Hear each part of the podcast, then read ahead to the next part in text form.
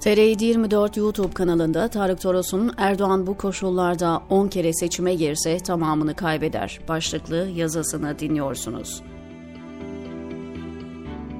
Şu üç şey başına gelmiş her hükümet seçimi kaybeder. Ekonomi çökmüş, hayat pahalılığı durdurulamıyorsa, büyük depremde iktidarın hazırlıksız ve beceriksizliğinden on binler hayatını kaybetmişse, muhalefet birleşmişse, Dünyadaki tüm demokrasilerde hiçbir iktidar bunu lehine çeviremez, çevirmeyi de düşünmez. Beceremedim der, özür dileyip bırakır. Türkiye eskiden böyleydi. Bugün bu noktadan fersah fersah uzakta.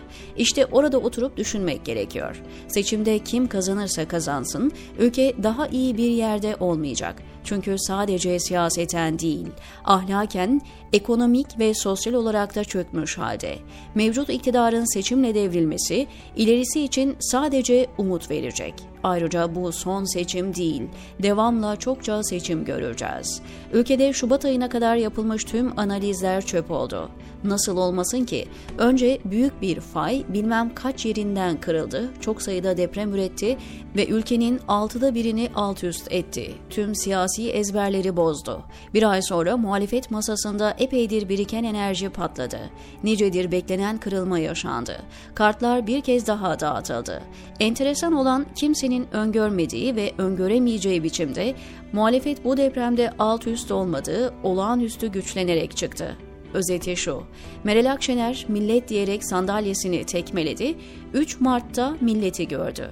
Millet beşten büyüktür diyen boş boğazda boyunun ölçüsünü aldı. İyi Parti'yi gaza getirip bu kararı aldıran baskı grupları kimlerse maksatlarının aksi bir sonuçla karşılaştılar. Siyasi kıyametini gören Akşener çabuk frene bastı. Çok kirli hissettim ve Meral değer mi dedim.'' Habertürk'te kurduğu bu cümle çok şey anlatıyor. Elbette Kemal Kılıçdaroğlu'nun sakin, itidalli yaklaşımı ve parti grubunu dizginlemesi unutulmamalı. Köprüler atılmıştı. Öyle olmasa tekrar kurmanın olanağı kalmazdı. Görülüyor ki altılı masa kriz çıkacağını bildiği için Cumhurbaşkanı adayını özellikle sona saklamış. Partileri bağlamak için de geçiş süreci ve mekanizma konuşulmuş. Öncelik 240 sayfalık ortak mutabakat metnine verilmiş.